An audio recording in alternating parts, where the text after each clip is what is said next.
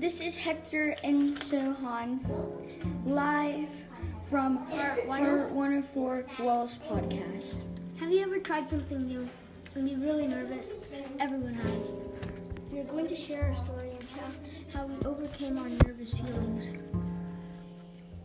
Clank, clank, clank, whoosh. We were watching the roller coaster come to a stop. Then it was our turn. My brother, my mom, my dad, and I hopped in the ride. When everybody was locked in tight, whoosh, they released us unexpectedly. Then everybody started to scream, but that's not what they wanted us to scream for. Whoosh! It started to feel super fast. My mom did not like how fast it was because I was only seven at the time, so it was almost certain I would fall out. And then everybody started to scream, but not me. I started to laugh. I thought that everybody was silly. It was was not scary until we came to a stop. Is this the end? I thought. Then I started to look around. Then I saw a Yeti. Realizing it was just a robot, I heard a sound. Clank, clank, going as fast as light speed. We were going backwards. Was this supposed to happen? I asked my mom. She shrugged.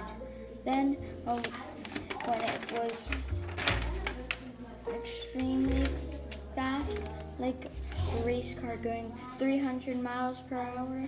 When we were going straight back, we turned rapidly to the side. It was another exit, I thought. Is there another exit, I thought? But no, it just leads us to a boring old exit.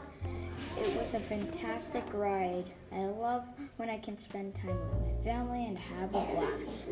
I see that Hector tried something new, but then when he finally got on, he really loved it. And now it's time for Sohan to share his story.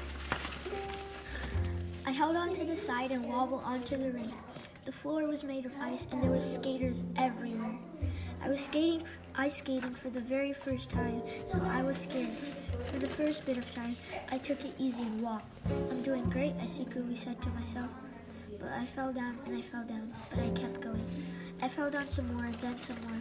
This is so hard, I thought, but I kept on going little by little. After a while, I got bored of tired walking. I slowly walked toward the middle. Then my steps got wider, then wider. Then I was skating. I skated more and more and I remembered how I was able to get to this point. It was good to it was a good feeling to learn something new and really like it. I was definitely going to come back and skate again.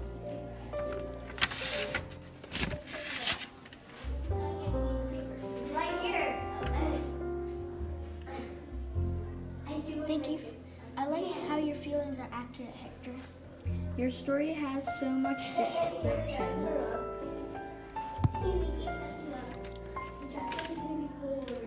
Sohan, Both of us felt happy and nervous. Nervous at first, but then happy as we finished.